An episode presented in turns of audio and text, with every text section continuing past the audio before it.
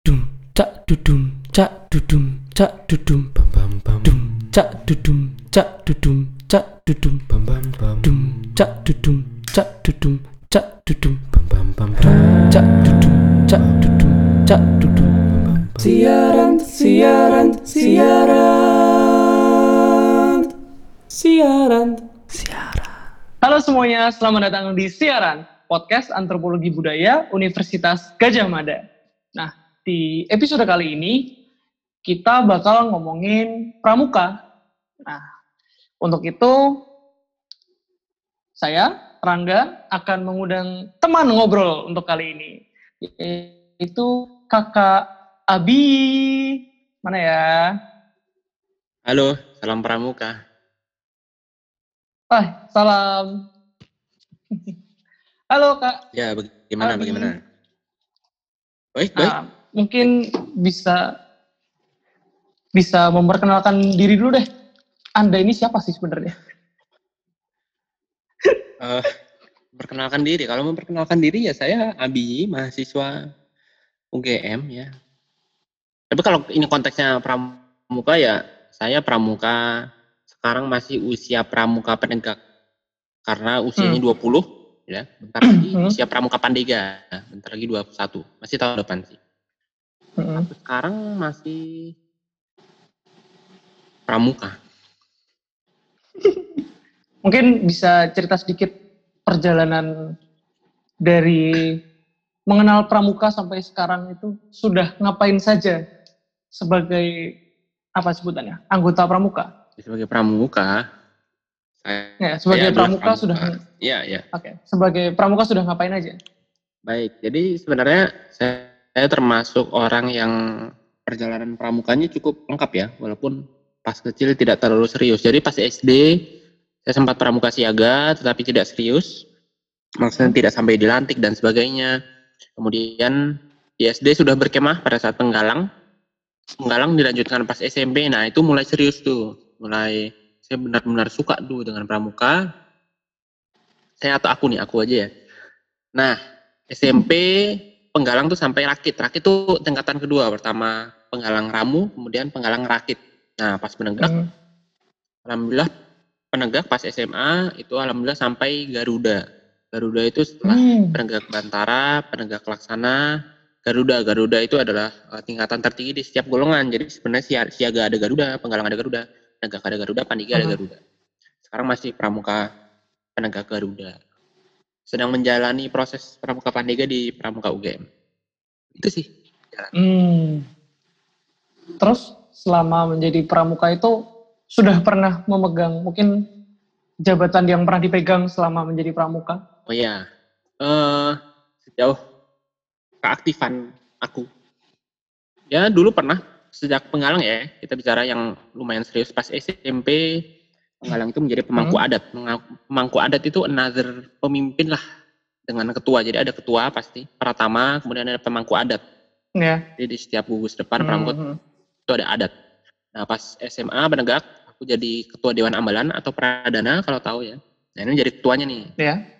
Setelah itu di tingkat yang lebih tinggi, mungkin yang tertinggi ya, tidak sempat lebih tinggi lagi. Itu menjadi terpilih menjadi ketua Dewan Kerja Ranting. Itu adalah Dewan Council ya, Council kalau bahasa Inggrisnya itu sekecamatan, sekecamatan. Hmm. Harusnya, harusnya tuh lima tahun dari 2016 sampai 2021. Tapi karena kuliah dan pindah kota harus mengundurkan diri 2018.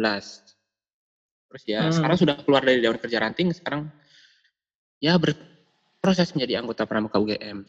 Itu beberapa jabatan. Berarti berarti sekarang sebagai pramuka biasa ya. Calon pandega sih namanya. Namanya calon pandega. Nah ya. Calon pandega. Mm-mm. Sedang proses ngisi Oke, SKU ah. pandega. Oke, siap. Ah, kita ke pertanyaan pertama nih. Pertanyaan yang paling mendasar. Menurut Abi, pramuka itu apa sih? Ya, bagus nih. Jadi menurutku, aku tuh selalu memahami suatu kata, suatu apa ya? Ya, kata istilah tuh dari terminologi. Terminologi pramuka itu Praja Muda Karana. Jadi harus dipahami secara bahasa. Ya. Praja Muda Karana adalah kaum muda yang suka berkarya, maka sejatinya pramuka Hmm. pertama haruslah kaum muda atau berjiwa muda ya. Hmm. harus berkarya. Nah, kemudian setelah eh, kemudian ada pramuka tuh punya kode kehormatan yaitu satya dan dharma, yaitu eh, another apa ya nilai yang harus diaplikasikan oleh pramuka. Kemudian harus satya itu janji kan, kalau bahasa Inggris itu Ya. scout promise. Dalam scout promise juga tertuang harus menaati dharma. Dharma itu scout law. Jadi moto Hmm. moto gerakan pramuka adalah satyaku kudarmakan dharmaku kubakti. Ku baktikan. Gitu itu inti apa itu pramuka. Nah, terus apa yang membuat Abi ini suka dan serius menjalani apa? Serius menjadi pramuka gitu. Oke. Aku eh, merasa diriku pramuka ketika aku apa ya? ikut ikut kegiatan pramuka sih. Jadi aku merasa muda ya, aku kan masih muda ya. Masih pemuda kan. Kemudian Jiwanya bapak-bapak sih. belum. Enggak, tapi bener loh, kalau udah pembina-pembina tuh tetap dipanggil kak dan tetap pramuka. Artinya walaupun tua berjiwa muda gitu loh. Itu Iya, filosofinya. Nah, eh, aku sejak SMP lah, SMP tuh yang benar-benar memahami, wah pramuka nih seru nih, aku akan jalani dengan serius. Itu sejak SMP. Karena aku melihat pramuka itu eh, banyak sesuai dengan minatku. Misalnya, wah seru nih jelajah ke kemah yang serius nih, alam terbuka. Kemudian Mhm. eh, pramuka tuh wadahnya itu wadah segala hal. Misalnya aku suka dengan tema-tema kebangsaan, nasionalisme maupun kedaerahan itu ada bisa tuh diaplikasikan di pramuka. Kemudian aku suka dengan lingkungan itu juga cocok dengan pramuka. Kemudian suka Mhm. apa ya baris berbaris ya dulu lumayan suka sekarang sudah tidak melaksanakan lagi. Tapi eh, ya itu juga ada di pramuka. Jadi aku suka pramuka karena bisa menjadi wadah platform segala minat. Jadi mulai Hmm. sejak itu ya menekuni lah, bisa dibilang menekuni pramuka. Itu kenapa saya, aku suka pramuka. Harusnya sejak eh sampai sekarang ya. Hmm. Hmm. Kalau kita bicara pramuka, selain Trisatya dan Dasa Dharma tadi ya, ada lagi nggak sih kayak nilai-nilai dasar atau ya dasar-dasar pilar-pilar kepramukaan? Oke. Jadi eh, sebenarnya bagus sekali nih. Kita harus memahami pramu- pramuka selain dari terminologi kata, istilah, itu dari Ya. konsep dasar, nilai-nilai, hal-hal dasar. Apa tuh? Jadi pramuka tuh punya satya kan, satya, Hmm. punya dharma. Kemudian dalam melaksanakan kegiatannya tuh ada apa? Apa? Ya apa? Jadi ada prinsip dasar kepramukaan. Hmm. Dengan PDK. Prinsip dasar kemar- pramukaan itu ada empat. Pertama tuh iman dan takwa terhadap Tuhan Yang Maha Esa. Jadi segala kegiatan pramuka, seorang pramuka itu harus memiliki iman dan takwa kepada Tuhan Yang Maha Esa. Kemudian kedua, itu peduli. Peduli kepada diri sendiri. Jadi kalau dibilang Mhm. pramuka itu eh, adalah kaum muda berkarya untuk negara, bangsa, alam, siapa pun, tapi harus peduli. Memikirkan diri sendiri dulu, membina diri. Jadi kedua adalah prinsip dasar peduli kepada diri. Dan ketiga baru prinsip dasarnya adalah peduli kepada bangsa, kepada sesama, dan kepada alam. Jadi itu tiga tuh aspek tuh. Menurutku itu sudah universal ya, apalagi kepada manusia lainnya, sesama, kemudian Mhm. alam, lingkungan, juga kepada negara, bangsa. Dan keempat adalah taat kode kehormatan. Apa itu kode kehormatan? Yaitu Apa tuh? eh itu satya dan dharma itu. Kemudian dalam melaksanakan kegiatannya sebenarnya ada metode. Ini nih sebenarnya kalau orang nanya kegiatan pramuka itu apa, ya dijawab aja nih. Ada metode pramuka, metode kegiatan pramuka. Hmm. Ini ada Hmm. tujuh. Semoga aku ingat sekarang ya. Tujuh nih. Pertama tuh sistem beregu. Jadi kegiatan pramuka Hmm. pasti dibagi beregu. Ada regu, kalau di penegak SMA itu ada sangga, kalau di Pandega ada reka. Itu biasanya pasti 6 sampai 8 atau 4 sampai 6 orang.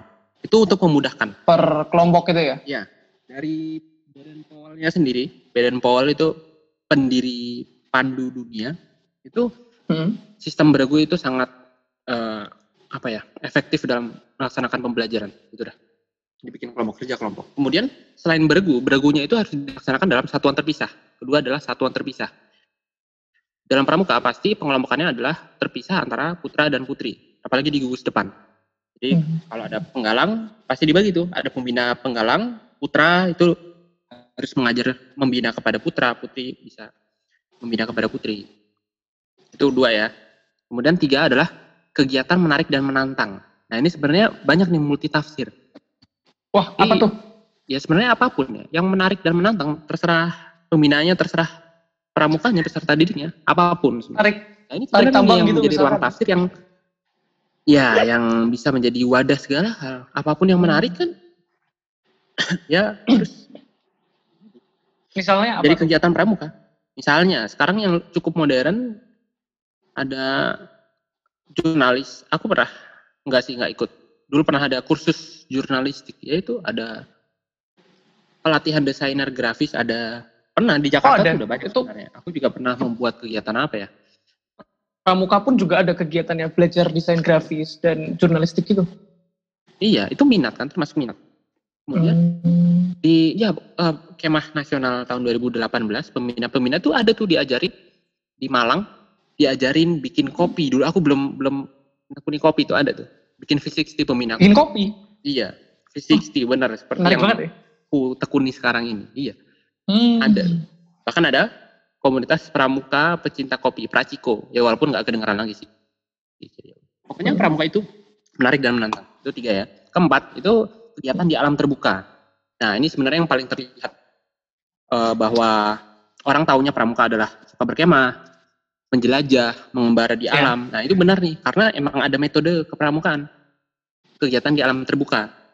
Dan ini latar belakang berdirinya pramuka juga oleh Lord Baden-Powell itu. Jadi waktu itu Hmm. di dilakukan uji coba kepada sekelompok pemuda suruh berkemah satu minggu. Apa yang terjadi? Nah, Hmm. orangnya jadi nggak tahu jadi lebih baik karakternya dan sebagainya. Dan metode-metode yang dia lakukan di, di pulau itu saat berkemah selama seminggu itu ya diterapkan menjadi Hmm. cara-cara kepramukaan itu kenapa kegiatan di alam terbuka menurut Baden Powell tuh sangat berasa untuk melatih Ah, karakter. oke oke. kemudian ada lagi Untuk mengembangkan, membangun karakter ya. kelima itu apa ya kiasan dasar kiasan dasar tadi aku sempat Kiasan dasar. kiasan dasar. Jadi sebenarnya ini menggambarkan filosofisnya pramuka. Jadi setiap nampan dalam pramuka, penggalang itu bahkan ada kiasannya. Kiasan tuh filosofi. Jadi salah satu kenapa aku suka pramuka tuh filosofis sekali. Jadi semuanya ada makna.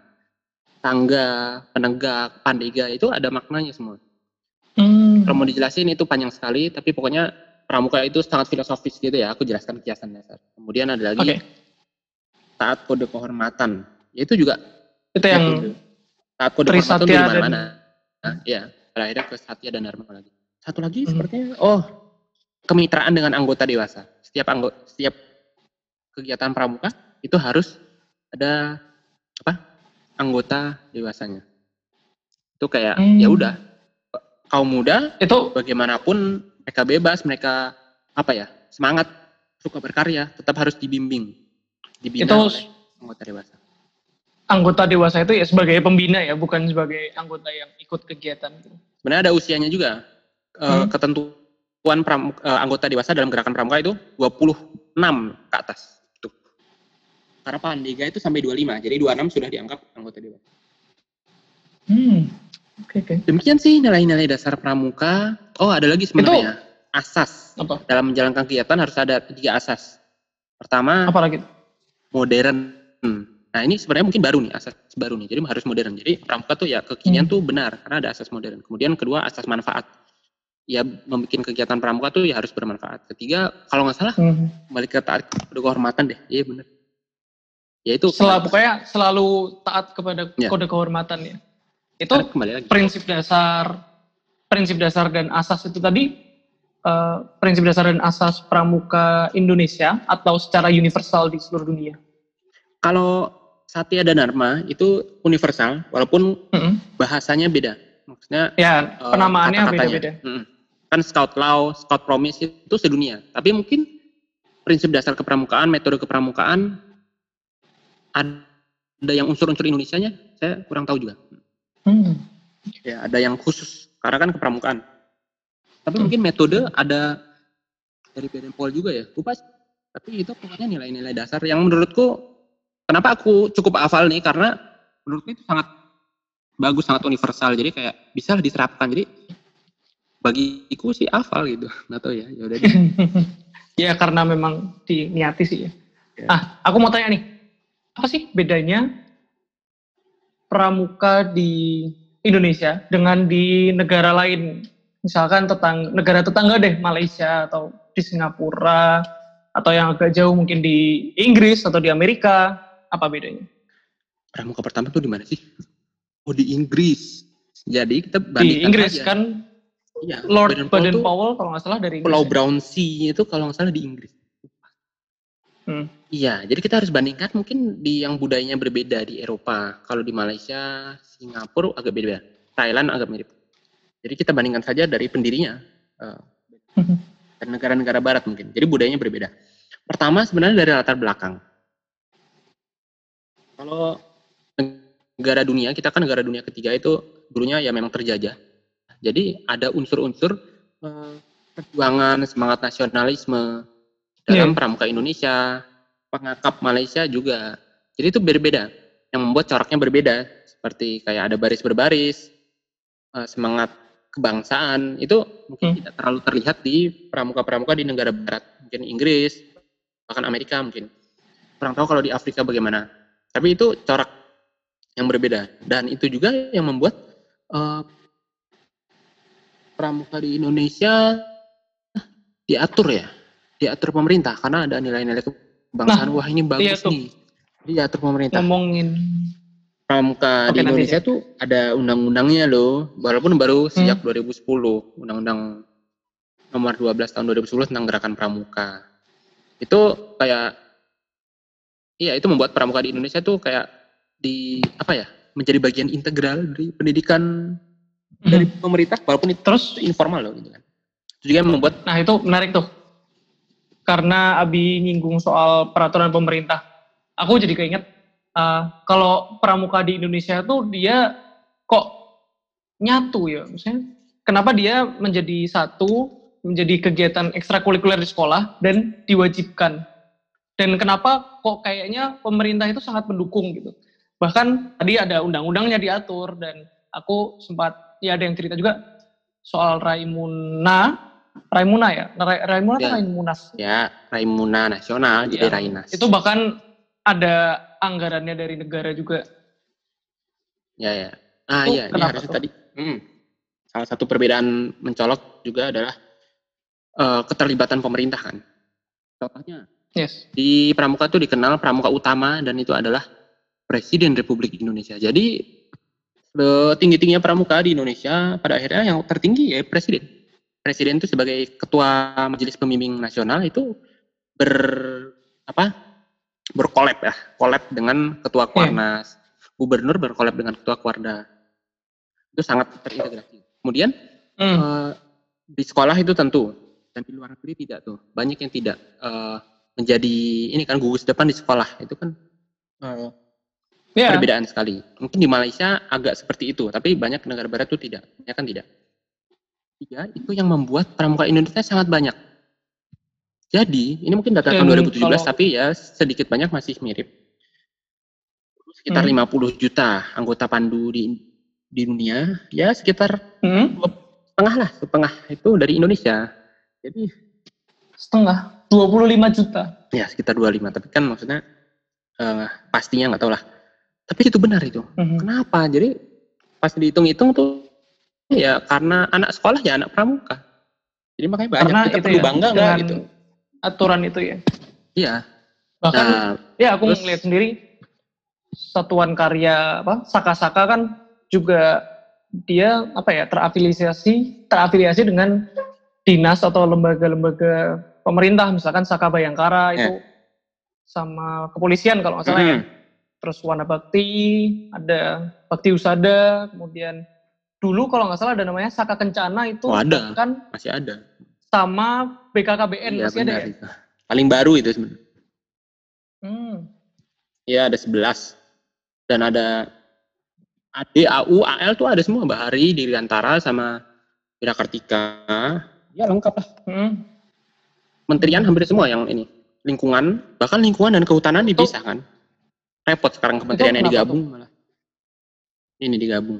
Kenapa kok kenapa kok kelihatannya pemerintah mendukung banget sih adanya pramuka itu? Kenapa aku akan bicara kenapa terinternalisasi, terinternalisasi, kenapa menjadi bagian integral dari yang Hmm. kuliah mungkin nggak tahu ya sejarahnya bagaimana karena pramuka juga sudah hampir 60 tahun ya.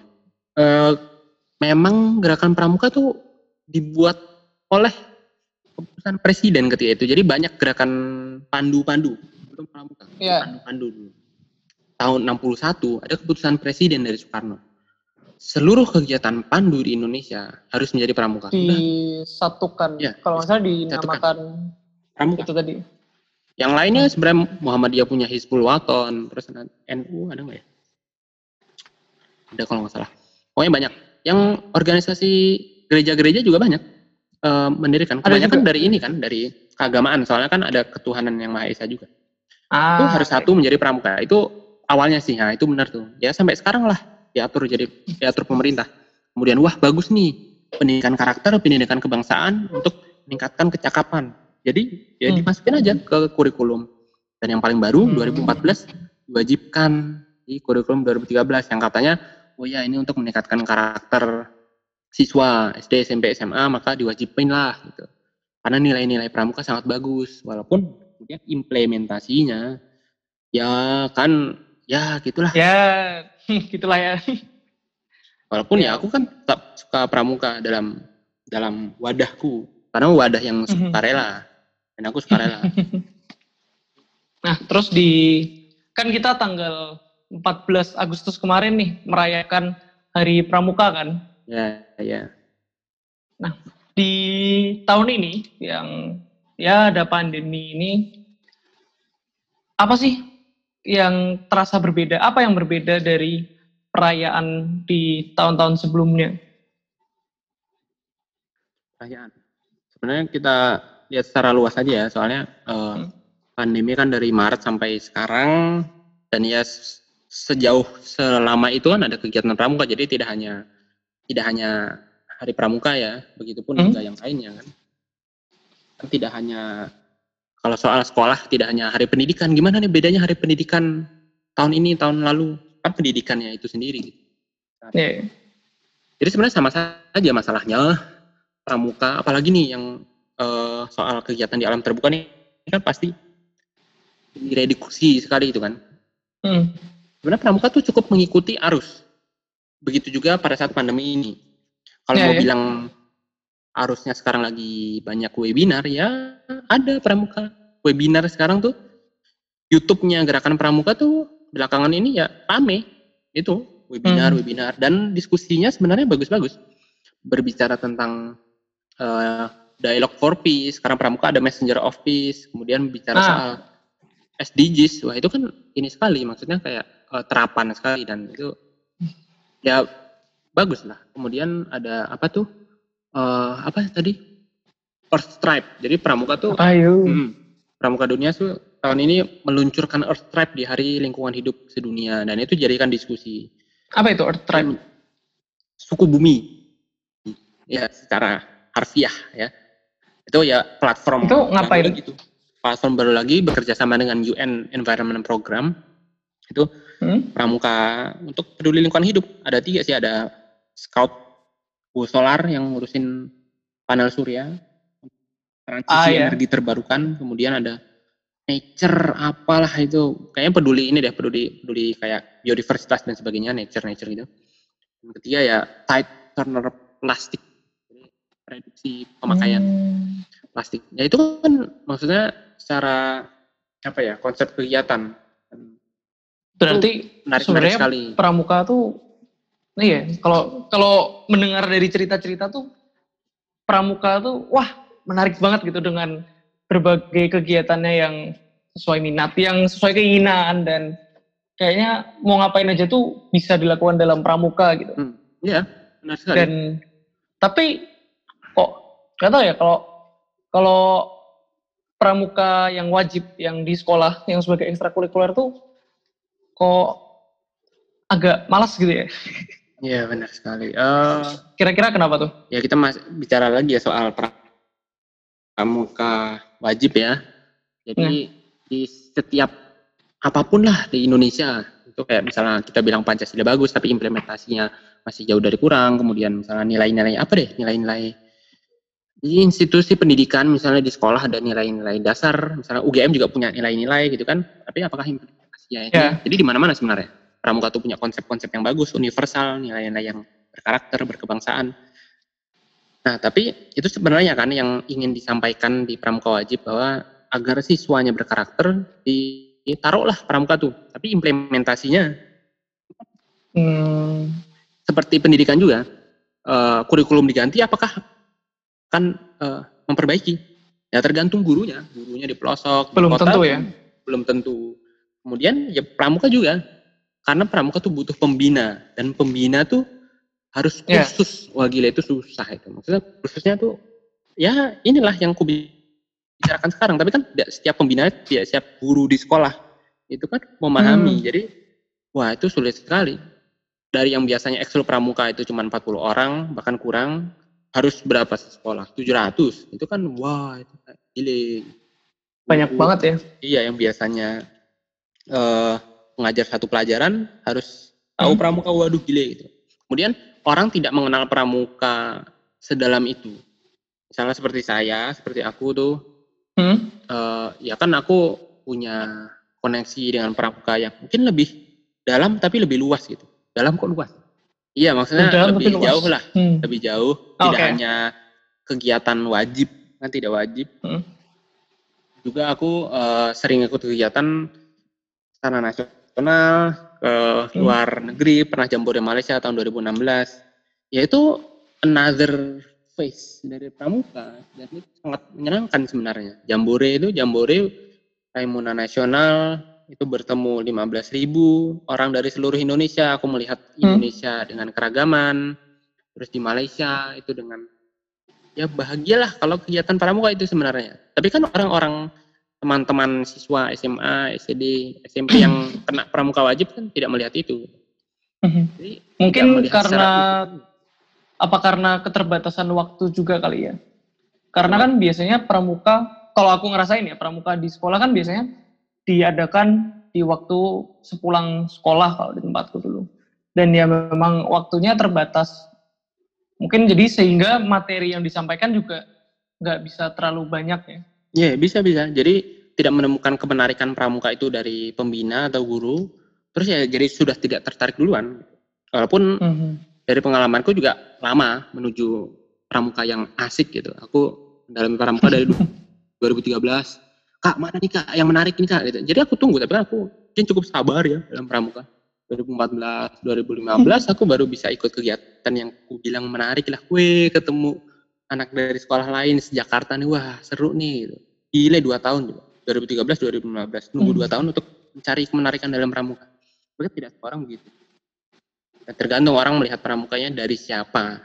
Mungkin oleh Hmm. kakak itu, wah ini menarik nih. Tapi melihat pertama pramuka dari kakak itu bisa jadi nggak menarik. Jadi tergantung.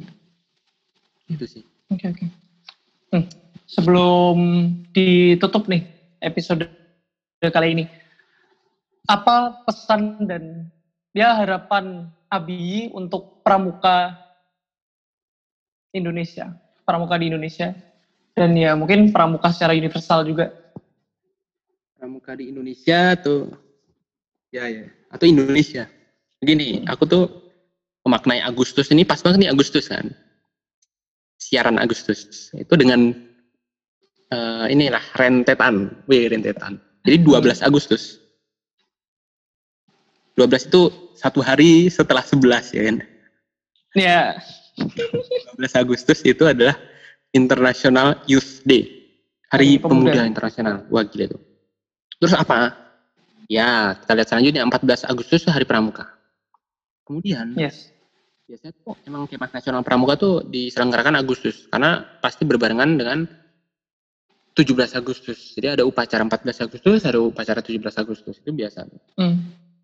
Jadi mereflek merefleksikan Agustus tuh bisa merefleksikan kepemudaan, kemudian merefleksikan Mm-mm. pramuka, juga ada semangat kemerdekaan juga, semangat kebangsaan. Nah, nah, mungkin pesannya itu ada hubungannya dari di antara ketiga nih. Kalau untuk pramuka sendiri sebenarnya itu aku maknai kan sebagai kaum muda kan, intinya kaum muda dan harus berkarya.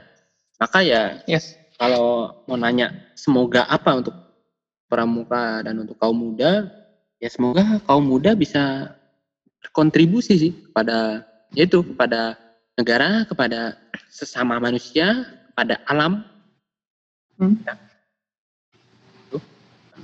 Kembali lagi kepada tadi nilai-nilai dasar pramuka itu. Juga bahkan pandu dunia scout Ya. World Scouting itu juga motonya kalau Indonesia kan. Satyaku Dharmakan, Dharmaku Kubaktikan. Dharmaku kubaktikan. Pandu dunia itu motonya adalah Scout creating a better world. Nah itu lebih lagi. Wow. Wah berarti Lebih kekuatan kaum muda tuh lagi. bisa loh membantu untuk create, create tuh gimana? Wih gila gitu. Bahkan setiap Ya, perkemahan perkemahan internasional tuh ada Better World 10. Jadi satu tenda sendiri untuk mempelajari apa ya SDGs. Dulu ada MDGs kan. hmm. Kayak bagaimana pramuka tuh eh, bisa berkontribusi Ya, ya. Dan Dalam mewujudkan Yuk. dunia yang lebih baik. ya itu sangat sangat ini terapan sangat ya, mengena sih bagi gue ya. Ya. Ada lagi, oke. ada lagi nggak? Eh, ini aja deh. Ada penutup Karena- soalnya, ada penutup. Oh, sebelum sebelum ditutup mungkin tepuk pramuka dulu kali ya karena kita kan di episode kali ini membahas tentang pramuka dan kebetulan ini juga hari pramuka kan Ya, ya boleh. Apa? Ada apa tentang Ayo, coba. pramuka? ya ya tepuk aja dulu Oh, Ya. sudah gimana? tepuk pramuka